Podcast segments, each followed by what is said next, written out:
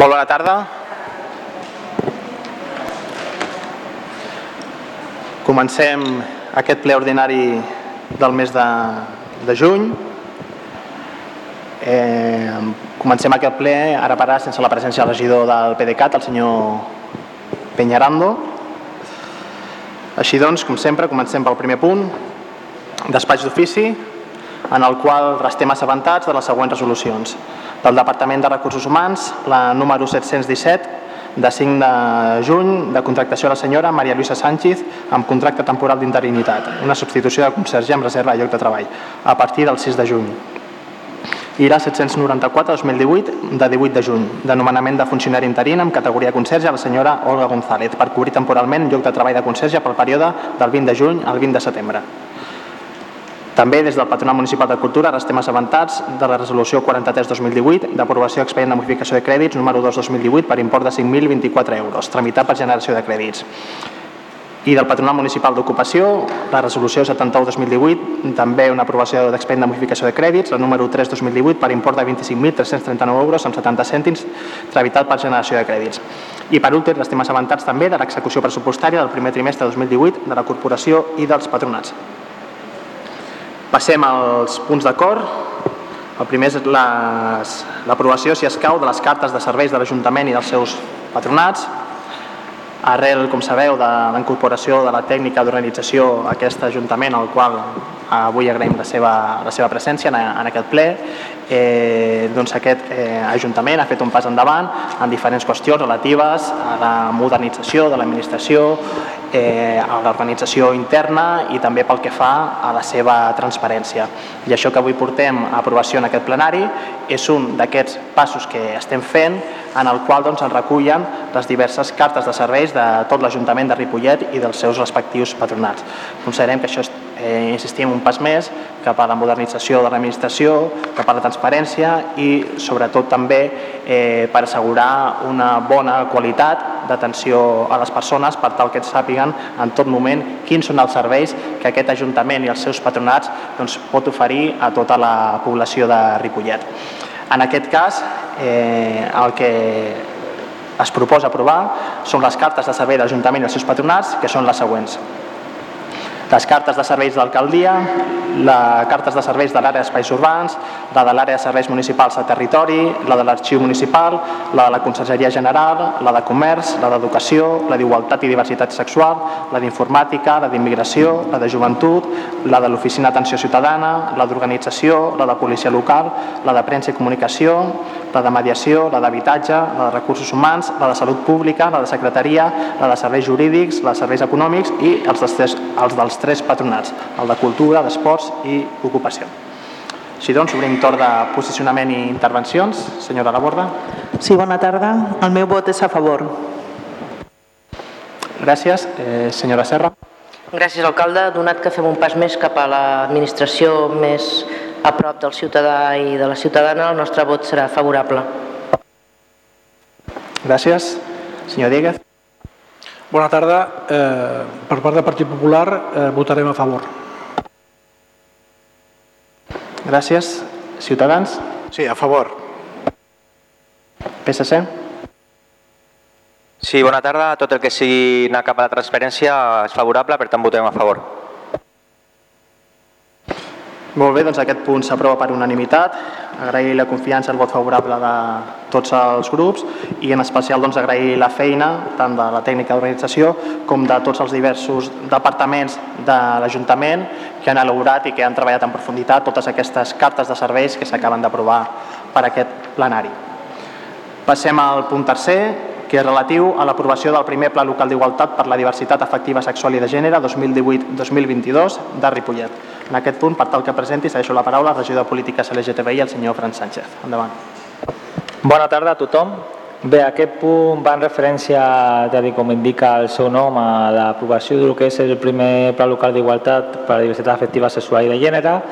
És un pla local que ha vingut ha tingut baix una subvenció de la Diputació de Barcelona i s'ha fet d'una manera participativa tant amb els tècnics de la casa com amb, amb la resta de la ciutadania de Ripollet, en el qual destaquem la gran participació que va tenir eh, aquesta, a, a, aquest pla ja que va comptar amb una quarantena de persones de diverses edats i de, de, i, i, i de diverses entitats de la ciutat a la qual agraïm la seva participació.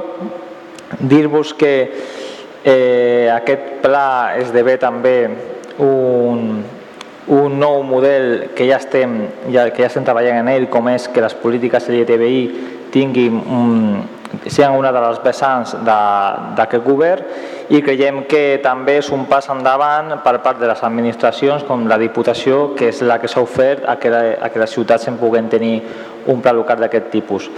Eh, Dir-vos que no només és important l'aprovació d'aquest pla, sinó que també serà eh, important l'aprovació del seu desenvolupament, en el qual també crearem un òrgan que, el qual vegi pel compliment d'aquest pla. No? Dir-vos que en l'exercici de les polítiques d'igualtat de gènere i de diversitat sexual al municipi i d'acord amb que indica aquesta llei 11 barra 2014 per a garantir els drets de lesbianes, gais, bisexuals, transgèneres, intersexuals i per erradicar l'homofòbia, la bifòbia, la bifòbia i la transfòbia aprovat per la Generalitat de Catalunya, l'Ajuntament de Ripollet ha dut a terme el procés d'elaboració d'aquest pla considerant com una eina fundamental per implementar aquestes polítiques tal com indicava anteriorment. Donat que la ciutat de llei estableix que la Generalitat i els ens locals han de garantir el seu compliment i promoure les condicions per a fer-la plenament efectiva en els àmbits competencials respectius. Dir-vos que el primer pla local d'igualtat per a la efectiva sexual i de gènere va fins al 2018 fins al 2022, esdevé un marc de referència i conté un conjunt de mesures que afavoreixen la transversalitat de les polítiques LGTBI de gènere en totes les àrees i regidories de l'Ajuntament, així com el teixit social de la ciutat i entitats LGTBI del territori. Dir-vos que a més, de manera de manera així de coincidència, coincideix que avui és el dia 28 de juny també, que és el dia de l'alliberament LGTBI, en el qual és molt, és molt simbòlic portar aquest punt a l'hora del dia d'avui, esperem que es pugui aprovar i sobretot que el podem treballar de manera conjunta per continuar fent de Ripollet doncs, una ciutat referència en polítiques LGTBI i pels drets eh, sexuals de les persones. Gràcies. Gràcies, senyor Sánchez. Torn de posicionaments. Senyora Laborda. Sí, a favor. Senyora Serra. Bé, avui és un dia prou significatiu, celebrem el Dia Internacional de l'Alliberament LGTBI, portem anys de mobilitzacions i de reivindicacions d'aquest col·lectiu i tot i així encara queda molt camí per recórrer. Les persones LGTBI segueixen patint discriminació i LGTBI-fòbia dins de la nostra societat. Avui doncs també hem d'estar prou orgullosos i orgulloses ja que Ripollet és un municipi capdavanter i de referència a tot el país. La nostra ciutat és un dels primers municipis amb regidoria LGTBI i avui fem un pas més aprovant aquest pla local que serà una bona eina per seguir treballant i implementant les polítiques de diversitat sexual i de gènere. Des d'Esquerra Republicana de Catalunya, Junts per Ripollet, volem felicitar el regidor Fran Sánchez per la feina feta i anovar-lo a seguir treballant amb la mateixa línia. Eh, i per últim, sí que volem fer una crida i animar tots els veïns i veïnes a participar a tots els actes que es faran al nostre municipi i a defensar els drets LGTBI amb orgull. Gràcies. Partit Popular. A favor. Gràcies. Ciutadans. Bona tarda. A aquest punt votarem a favor. Gràcies. PSC. Hola, buenas tardes. Eh, por, la, dignidad de todas las personas luchamos contra la discrimina, discriminación por razones de orientación sexual e identidad de género. A pesar de que hace 25 años que la Organización Mundial de la Salud dejó de considerar la homosexualidad como un trastorno mental curable y la eliminó de la lista de enfermedades, la lucha por los derechos humanos legales y civiles de los homosexuales y transexuales es plenamente vigente. La, homofobia no se ha erradicado y continúa manifestándose en muchos ámbitos de la sociedad e incluso hay países que siguen considerando que la homosexualidad es un hecho delictivo. En España y Cataluña algunos de los grandes avances de la lucha de este colectivo han venido de la mano de gobiernos socialistas, como el matrimonio entre personas del mismo sexo, la modificación de la normativa que impedía la donación de sangre a los homosexuales y el reconocimiento institucional del Día Internacional, contra la Homofobia y la Transfobia. Los y las socialistas catalanas trabajaremos y colaboraremos activamente para mantener los derechos sociales y civiles conseguidos por este colectivo y también para recuperar todo aquello que la derecha les ha hecho perder por razones ideológicas. Por eso, los socialistas y las socialistas de Ripollet apoyamos el plan local LGTBI porque es una buena herramienta. Nuestro voto es a favor. Molt bé, doncs també per unanimitat s'aprova aquest. Agrair de nou a totes les persones que han col·laborat, que han fet possible eh, aquest pla, a totes les persones, a tots els grups municipals en aquest cas que hi heu donat suport i com sempre esperem que aquest pla no es quedi eh, aquí, en aquest pla, sinó que sigui d'aplicació com més aviat possible i aquest serà també l'objectiu eh, d'aquest Ajuntament. Passem al punt número 4, que és relatiu a verificar el text reforç de la modificació del Pla General Metropolità al carrer de Sant Jaume entre el carrer de Font de Can Mas i el carrer de la Granja. En aquest punt és referent a la modificació del, del PGM que feia possible doncs, l'allunyament de, la, de la benzinera de l'escola Martinet. Aquest punt recordareu que es va aprovar el mes de maig de, de l'any passat, de 2017, es va fer per aquest plenari la seva aprovació inicial i un cop fet aquesta aprovació inicial, eh, com sempre, les aprovacions de PGM es dirigeixen a la Comissió Territorial d'Urbanisme, en el nostre cas de l'àmbit metropolità de Barcelona, que és la comissió, que és l'organisme que ha de fer efectiva l'aprovació definitiva, si escau, d'aquestes modificacions del Pla General Metropolità. En el seu moment aquesta comissió va deixar en suspens, en suspens la seva eh, aprovació eh, i en sol·licitava que l'Ajuntament demanés al Departament de, d'Interior un informe favorable per tal de tramitar-ho i per tant eh, per tal d'aprovar-ho. Aquest informe es va demanar, eh, no obstant també ha trigat més del que seria habitual eh, per tota la situació que, eh, que ha viscut al país i entre d'altres també per l'aplicació de l'article 155 i, però finalment eh, doncs, eh, aquest informe favorable del Departament d'Interior va arribar i llegeixo textualment que aquest informe va ser favorable i el que diu és conformes amb la valoració desestimatòria feta de l'al·legació presentada en el seu dia i tenint en compte l'innegable benefici que suposa pel municipi de Ripollet la reubicació dels espais d'equipament que la modificació del Pla General Metropolità proposa per a aquella zona, s'emet informe favorable per a l'aprovació definitiva d'aquesta modificació del PGM a banda de demanar aquest, eh, aquest informe favorable al Departament d'Interior que vam aconseguir eh, doncs, també es va demanar a l'Ajuntament que féssim alguns aclariments pel que fa als usos, de, bueno, alguns aclariments relatius a, a l'expedient, però que eren de caràcter menor i tot això eh, s'ha fet en aquest, en aquest, que figura en aquest expedient i la fórmula per tal d'aprovar-ho és a través d'aquesta verificació del text refós que posteriorment doncs, de nou serà tramet a aquesta Comissió Territorial d'Urbanisme per tal que en aquest cas sí l'aprovi definitivament. Obrim torn de posicionament. Senyora Laborda. Sí, a favor. Gràcies. Senyora Serra. Votarem a favor. Partit Popular. Abstenció. Ciutadans. Sí, eh, buenas tardes. Eh, la verdad es que nos eh, mostramos un poco perplejos con lo que acaba de decir el señor alcalde respecto a la resolución del área metropolitana, cuando dice que la reubicación de la gasolinera va a ser eh, de indudable beneficio para lo que es el municipio y más concretamente para el barrio de Canmás, cuando de todos es sabido que el barrio de Canmás es uno de los más perjudicados en cuanto a equipamientos. Nosotros somos de la opinión eh, que el barrio de Calma se encuentra totalmente abandonado en esta cuestión y lo que menos le hace falta es otra, otra gasolinera con la que ya sumarán unas cuantas en lo que es el, barrio.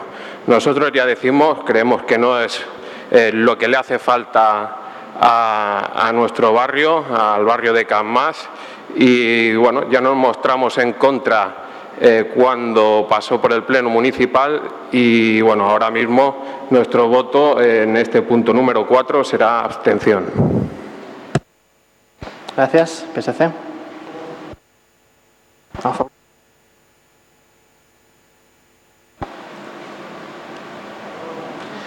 Eh, para aclarar, señor Tapia, en primer lugar, el informe eh, es del Departamento Interior, no es del área metropolitana, es del Departamento Interior el que ha emitido este informe y lo que entiendo que se refiere, cuando hace referencia a los equipamientos, no se refiere a la gasolinera, sino que se refiere a que con la modificación de PGM pues se aproxima más al barrio, se aproxima en consecuencia más al colegio también, en este caso, la pastilla de equipamientos que actualmente está al lado de la gasolinera.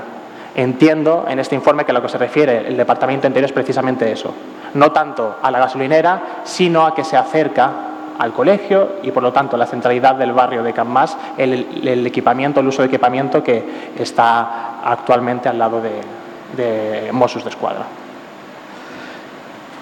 Amb l'abstenció de Partit Popular i Ciutadans i el vot favorable de la resta queda aprovat aquest text reforç.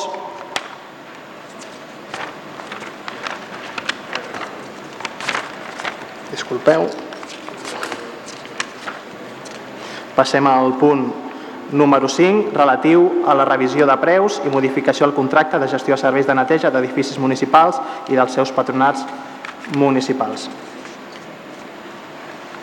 Aquí el que es fa és, un, és una qüestió que, que anualment també passa per aquest plenari, una revisió del preu del contracte dels serveis de neteja dels edificis municipals i dels patronats, en, en aquest cas el període comprès entre el 1 de febrer 17 i el 31 de juny 18, aplicant uns coeficients de revisió. I, per i a banda doncs, també s'afegeixen eh, unes, unes feines de neteja, en aquest cas, relatives als casals d'estiu. Els casals d'estiu impliquen un ús d'aquests eh, equipaments municipals i que com a tals el que fem aquí és contemplar que es faci possible, que es faci efectiva aquesta, aquesta neteja. Eh, el que es proposa aprovar és, eh, és un import, s'aprova un import mensual fixat a la revisió de preus del servei de neteja d'edificis municipals i dels seus patronats a Celsa amb efectes d'1 de febrer 18 de 96.194 euros amb 47 cèntims IVA inclòs i fins l'entrada en vigor del nou contracte administratiu o bé la nova modalitat de la prestació del seu objecte. I també s'aprova l'endarreriment per un import de 2.750 euros amb 60 cèntims. Obrim torn de posicionaments. Senyora Laborda. Sí, a favor. Senyora Serra. A favor. Senyor Dieguez. Abstenció. Ciutadans. Abstención. PSC. A favor. Volíeu comentar alguna cosa? Doncs amb l'abstenció del Partit Popular i Ciutadans el vot favorable a la resta queda aprovat aquest punt. El següent punt, punt número 6, és l'aprovació definitiva de la modificació dels estatuts de l'entitat mercantil Genera, mitja propi de Ripollet, en la qual, com recordareu, ja es va portar aquest plenari l'aprovació inicial, que on es portava una modificació pel que fa als membres del Consell d'Administració, on es deia que eh, podien ser els representants dels grups municipals eh, podien ser no només regidors, sinó també altres persones amb, amb experiència professional en el, en el sector de les, de les empreses i eh, per altres bandes doncs, també s'hi afegia la possibilitat de que aquesta empresa podés fer-se càrrec tant de la gestió de, del servei d'aigües i de les escoles Bressol. Obrim torn de posicionaments. Bé, dir que només cinc representants polítics hi poden estar dins del Consell d'Administració i com no ho trobo suficientment plural, m'abstindré. Senyora Serra. Votarem a favor. Partit Popular. Des del Partit Popular no ens extendrem. Eh, ja hem tingut prou debat eh, tant en plen, el ple anterior com d'altres anteriors. La postura del Partit Popular és ben coneguda. No trobem la necessitat ni l'avantatge en municipalitzar i tampoc ens agrada gens la manera en què s'està portant a terme. Per aquesta raó, el vot del Partit Popular serà en contra. Gràcies. Ciutadans. A favor. PSC. A favor. Doncs amb el vot contrari del Partit Popular, l'abstenció de la senyora Laborda i el vot favorable a la resta, queda aprovada aquesta modificació dels estatuts. I enllaçat amb aquest punt, el punt següent fa referència a l'aprovació del nomenament dels membres del Consell d'Administració de l'entitat mercantil Genera, Mitjà Propi Ripollet SL. I aquest Consell d'Administració estarà format per les següents persones,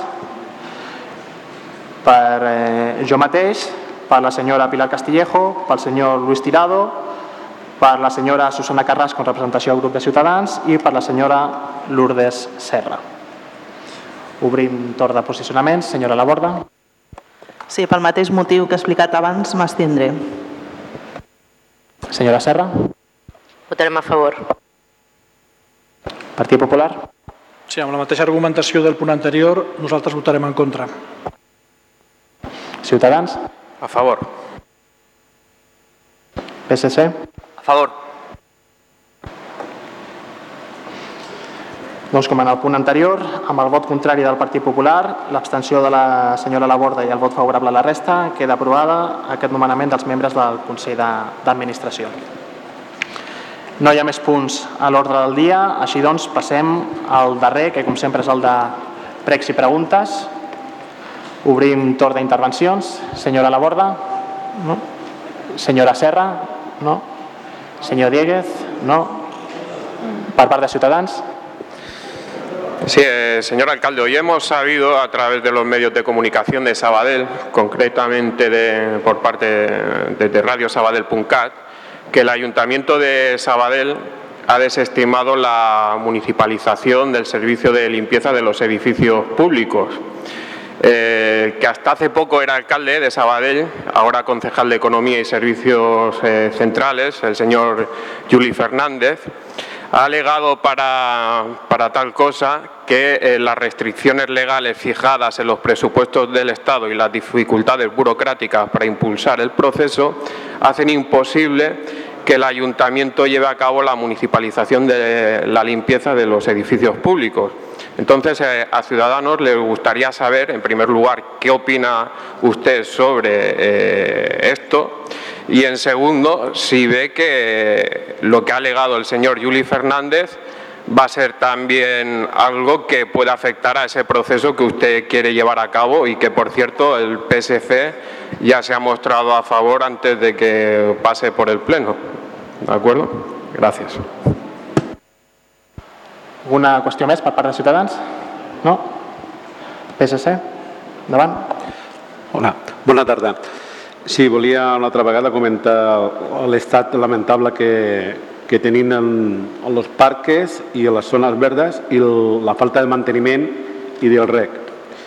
Y luego també comentar para cuándo el canvi de les oficines de l'Hotel Ibis, a què se debe aquesta demora de quasi tres anys. Res més. Següent. Hola, bona tarda. Jo volia saber el tema del defensor del ciutadà, si hi ha converses amb alguna persona, eh, en quina situació està o si segueix igual.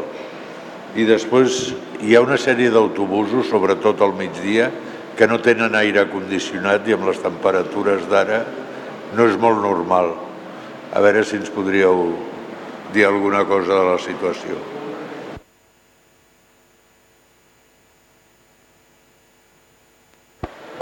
Hola, bona tarda.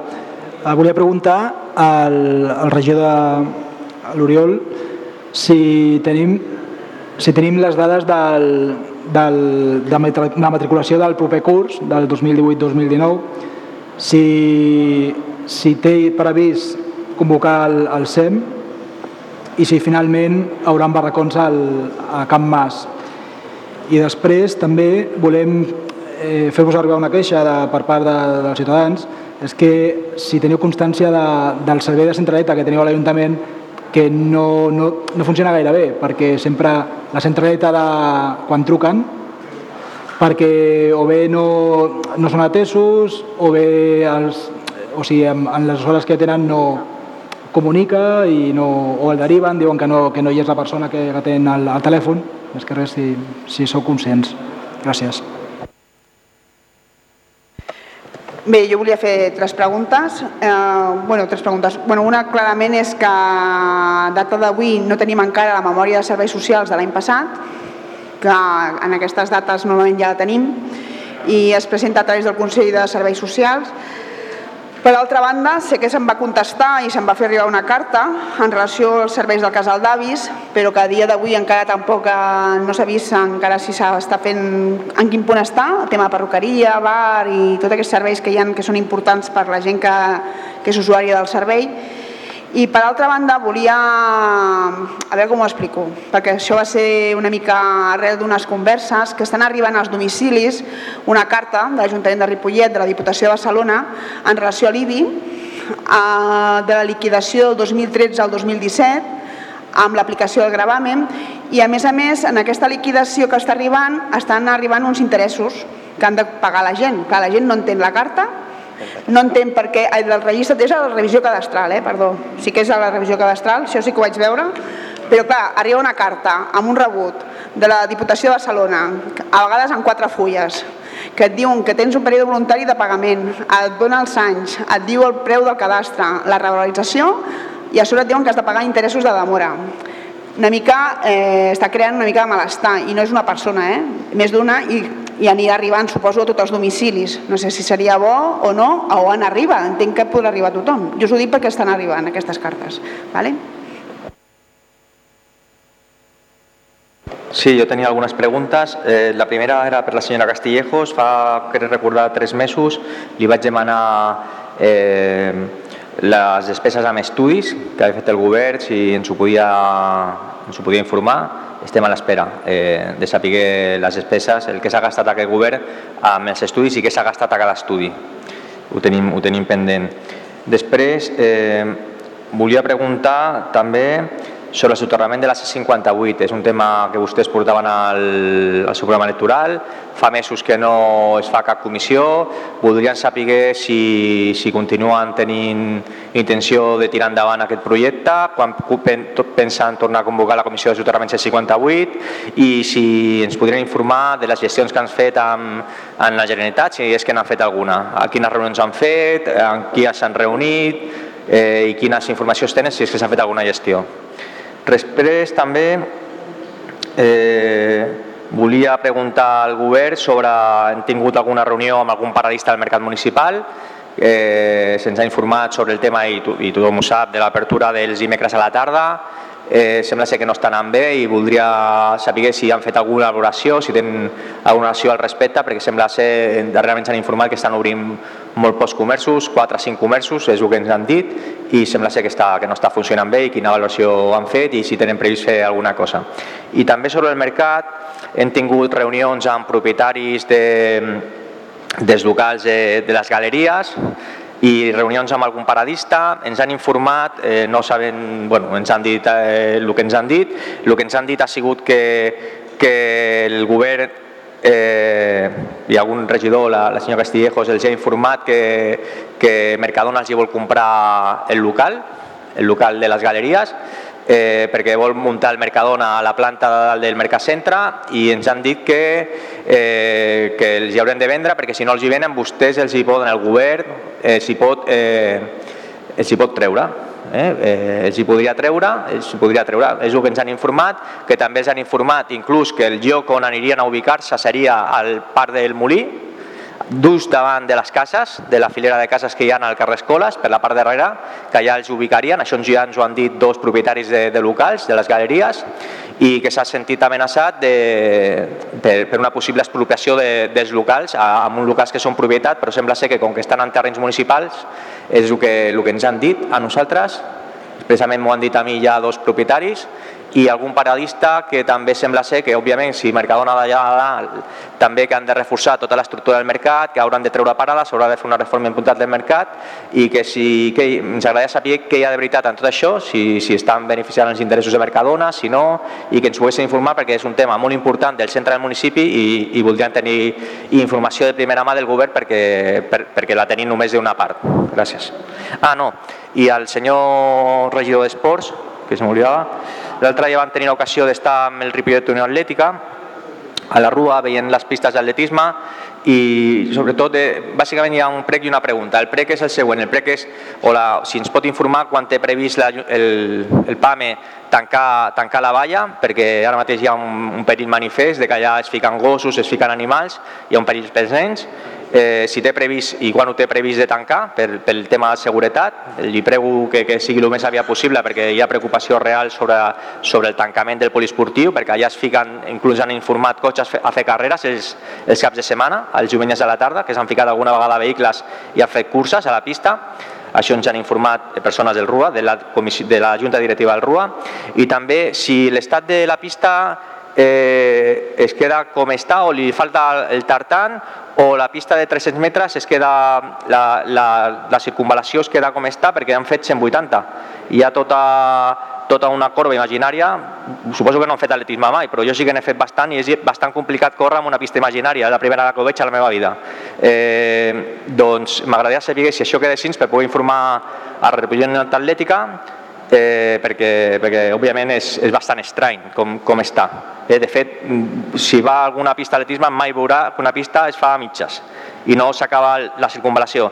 És més, també ens han informat que hi ha un problema de seguretat que és que eh, per on va l'aigua eh, s'han posat unes plaques metàl·liques que tallen, ja s'ha caigut un nen, ja s'ha tallat el genoll, i la RUA va demanar que no es posés allò. Això ens ho ha dit alguns membres de la Junta Directiva amb els quals jo em vaig reunir personalment la setmana passada i van demanar una vorera de ciment sense cap, eh, perquè, perquè, perquè allà l'aigua xupa bé la terra i no feia falta fer el que s'ha fet, que és una inversió que potser no feia falta haver-se gastat els diners en allò quan, quan té un perill que ja, que ja s'ha posat de manifest perquè hi ha hagut algun nen que ja s'ha tallat, en aquest cas un nen que va caure i ja s'ha tallat el genoll perquè ja es va comentar que això no, que no es fes d'aquesta manera.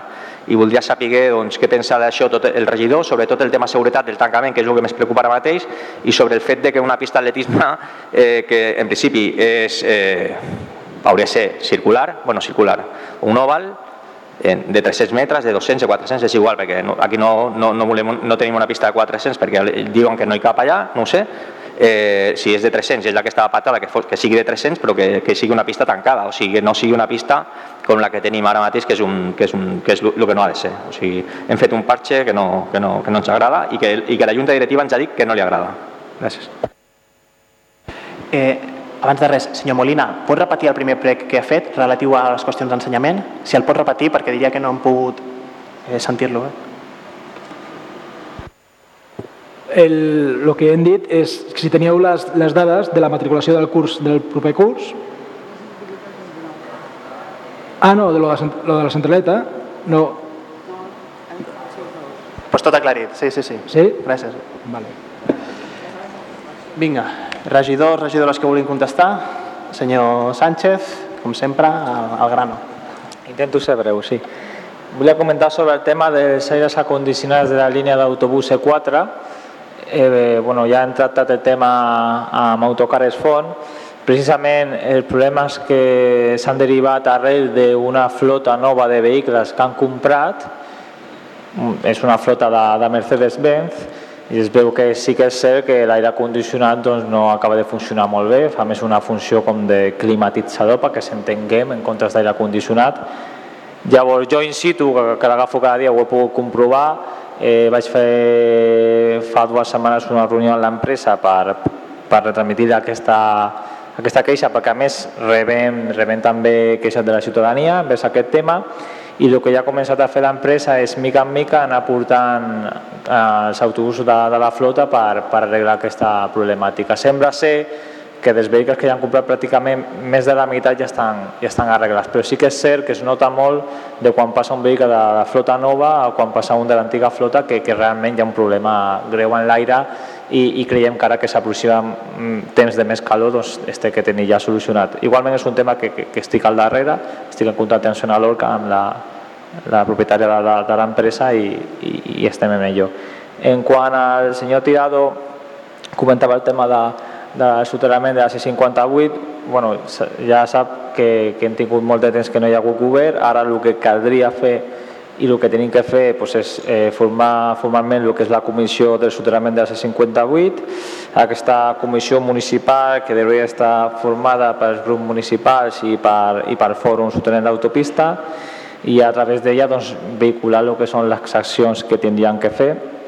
Una comissió doncs, això que englobi a tots els grups municipals i al fòrum i com a primera acció el que tindrien que fer doncs, és una reunió amb el conseller de territori dins d'aquesta comissió, en la qual ja, ja ens posem mans a, a, a l'obra perquè és una cosa, és una prioritat de govern, però com sapigueu, torno a repetir, hem tingut molt de temps sense, sense, sense govern i ara cal constituir ja de manera formal aquesta comissió en la qual esperem que tots els grups municipals hi, hi puguem estar representats i, i, i lluitar per aquest soterrament. Gràcies. Més qüestions, senyor Moldes? Bona tarda a tots i a totes.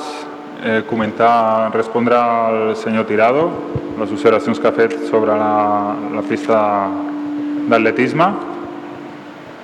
Eh, primer comentar de que aquest projecte fa molt de temps que ja està, que estava, que està patronat. Eh, li recomanaria que, que primer de tot veiés el, el document que, que ho vam comentar des dels seus representants al patronat doncs de, aquest projecte doncs, està ja fa mesos. El primer, abans de mirar el tema aquest dels 180 o 300 metres, doncs mirar el projecte i si té algun dubte sobre o tenia algun dubte sobre aquest projecte, vingui i m'ho comenta i jo li aclariré, no tinc cap problema. Eh, bueno, aquesta pista ja sabem tots que va començar amb un, amb un greu problema perquè hi havia una pista bastant millor abans de que la que es va crear després quan, quan estaven governant i ara el que intentem doncs, és arreglar el desprefecte que va crear en, en aquest espai. Eh, de moment hem fet una actuació que la pista no està acabada, ni molt menys, d'una corda de 300, sí, la corda de 300 sí que es pot córrer, o sigui, si vostè ha corregut, ha corregut en, en pista alguna vegada, com sé que, sí, moltes vegades, com sé que, que ha corregut, esperis que estigui acabada i llavors doncs, doni la seva versió a veure si pot córrer una pista de 300 o no, però com encara no està acabada suposo que, que encara no, no, no ho visualitza. Llavors quan estigui acabada doncs ja, ja ens comentarà a veure com, com ho veu. Eh, després les actuacions que vindran a posteriori seran eh, fer tota una zona verda en, en aquest espai entre les, dues, entre les dues pistes, entre les dues cordes Em ficarem gram en aquest espai, llavors aclarirà i, i serà un espai més, més bonic.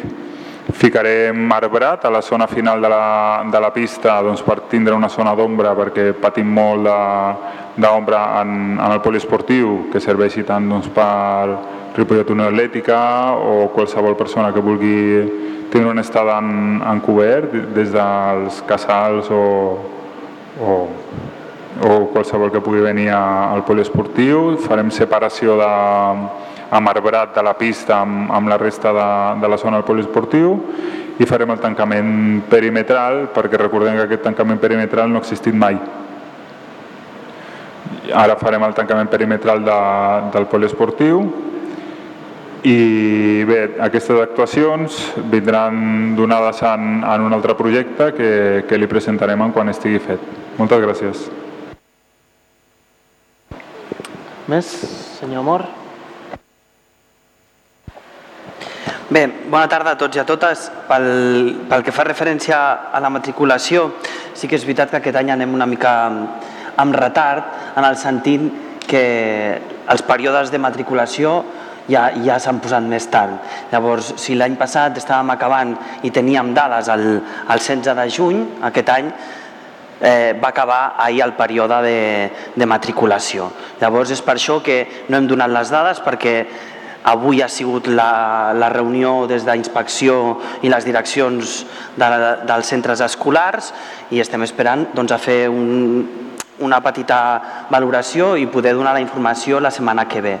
Val? Pel que fa al CEM, doncs ens trobem una, amb, el mateix, amb, el mate, amb la mateixa història, és a dir, eh, l'any passat ja, l'últim CEM vam tancar amb les matriculacions i va ser a final de curs, és a dir, ja havien acabat gairebé les escoles i en aquest sentit doncs, en, eh, ens plantejàvem doncs, possiblement la primera quinzena convocar un Consell Escolar Municipal, però volíem acabar de parlar-ho amb les direccions dels centres per si és més, eh, més factible poder donar aquestes informacions via mail i convocar de cara al setembre a l'inici de curs o poder treballar a la, a la setmana de juliol. És una miqueta de tempos que aquest any ens ha agafat una miqueta desquadrats amb, amb les informacions que volíem donar i els tempos que, que teníem. Sí que és veritat que i no només hi ha hagut gent que també ha insistit en que és necessari un Consell Escolar Municipal abans de tancar el curs, però clar, fer-ho sense tenir informació també era una miqueta...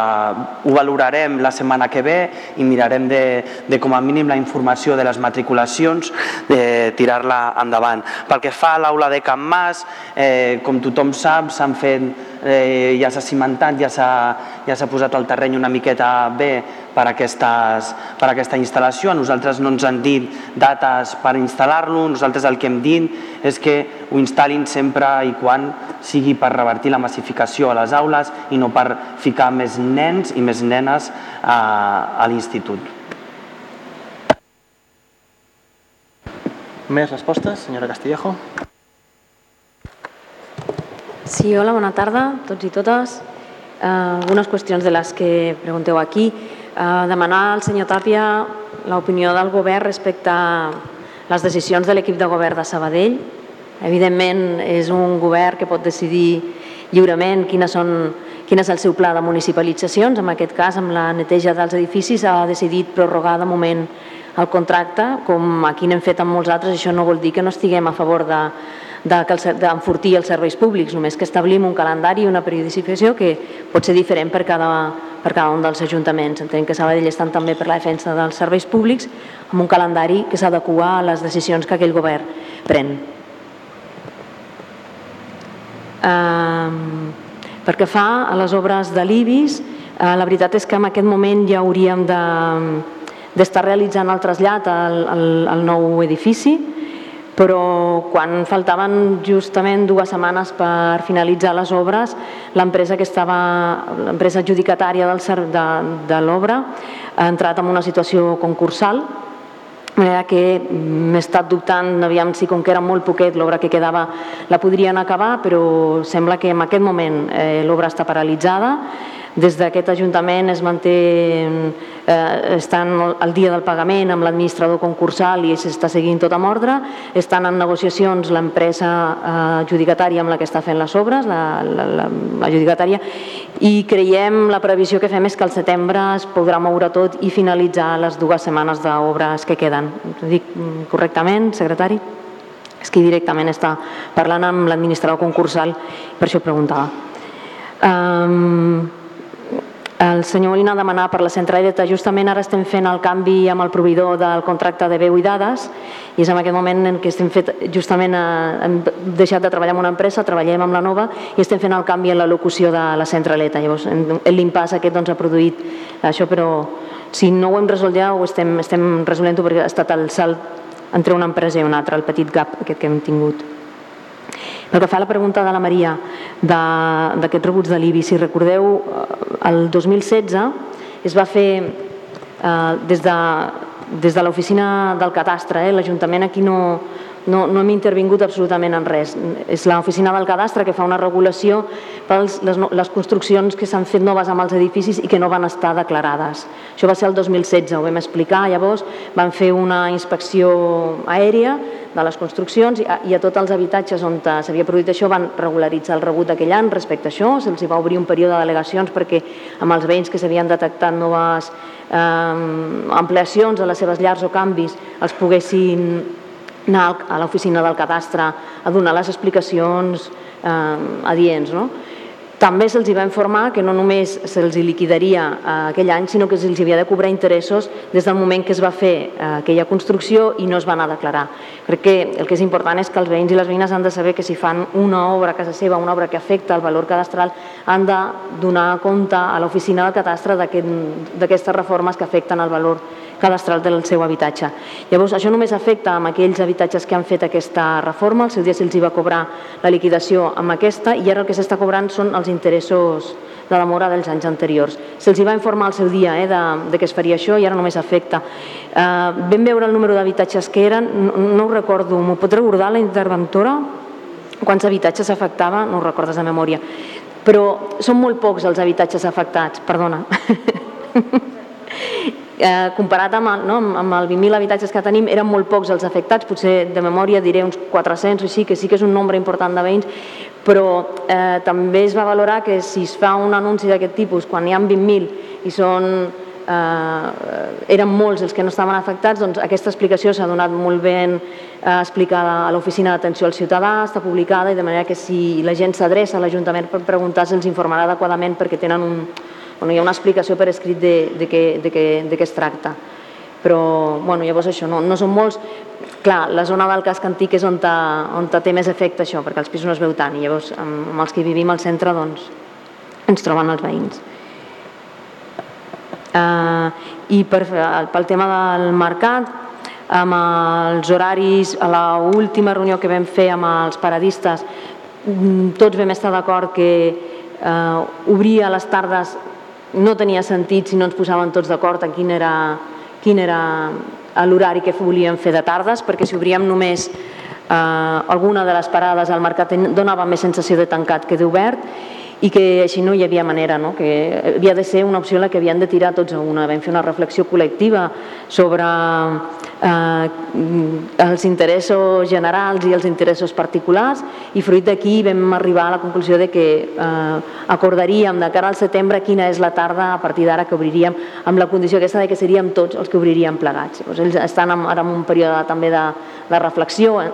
també entre ells, són un col·lectiu eh, que passa moltes hores junts, un col·lectiu molta gent, no? plural, complexa, i ells també doncs, volen arribar a aquest acord de, entre tots quina és la tarda que, que obriran i si decidim obrir els dimecres a la tarda que sigui d'una manera majoritària perquè si no no té cap sentit perquè és veritat que fa, eh, fa molta pena veure el mercat tampoc obert perquè la sensació que dona realment és de que està tancat i per últim amb el, amb, amb el tema aquest de la informació del Mercadona eh, jo crec que també és important eh, un tema com aquest que si eh, algun veí ve amb una pregunta així que realment és angoixant, ens pot també trucar, no cal que esperem al ple per portar-lo, sinó que ens podeu trucar per telèfon perquè jo crec que, bueno, que no que no, que no ha per tant i que podem solucionar problemes aquests que a més si, si generen algun tipus de, de dubte entre veïns i veïnes. Jo n'he fet dues reunions, una amb els paradistes i una altra amb, el, amb, amb, amb els galeristes, no? per explicar-ho, però la, la versió no, no s'assembla en res amb això. Eh? O sigui, mm, Mercadona planteja una opció per, mm, per renovar la seva botiga. Entre les, entre les opcions que hi ha, una, una és aquesta, una seria eh, posar-la canviar d'ubicació i posar-se a la part de dalt, però és una de les opcions, eh? n'hi ha, ha d'altres i en tot cas aquesta sí que contempla una cosa que ja, bueno, que és el, el peri del casc antic ja contemplava que totes aquestes galeries, com que estan amb, un, eh, amb una pastilla que és un equipament municipal, no hi poden estar allà. Llavors, això és una cosa, bueno, el peri aquest és, és de fa 15 anys com a mínim. El peri aquest ja contemplava que si es feia una reforma integral del mercat en el que es feien obres en allà, les galeries, com que, és, eh, com que són equipament i ells no poden ser equipament, on s'han d'ubicar, la ubicació que ja preveu el Peri és, és aquell lloc que, que comentes, que és a, la plaça del Molí, ja, ja surt eh, el Peri dibuixat d'aquesta manera. I en tot cas, eh, clar, l'expedient administratiu té aquest nom, és un expedient d'expropiació, perquè és un...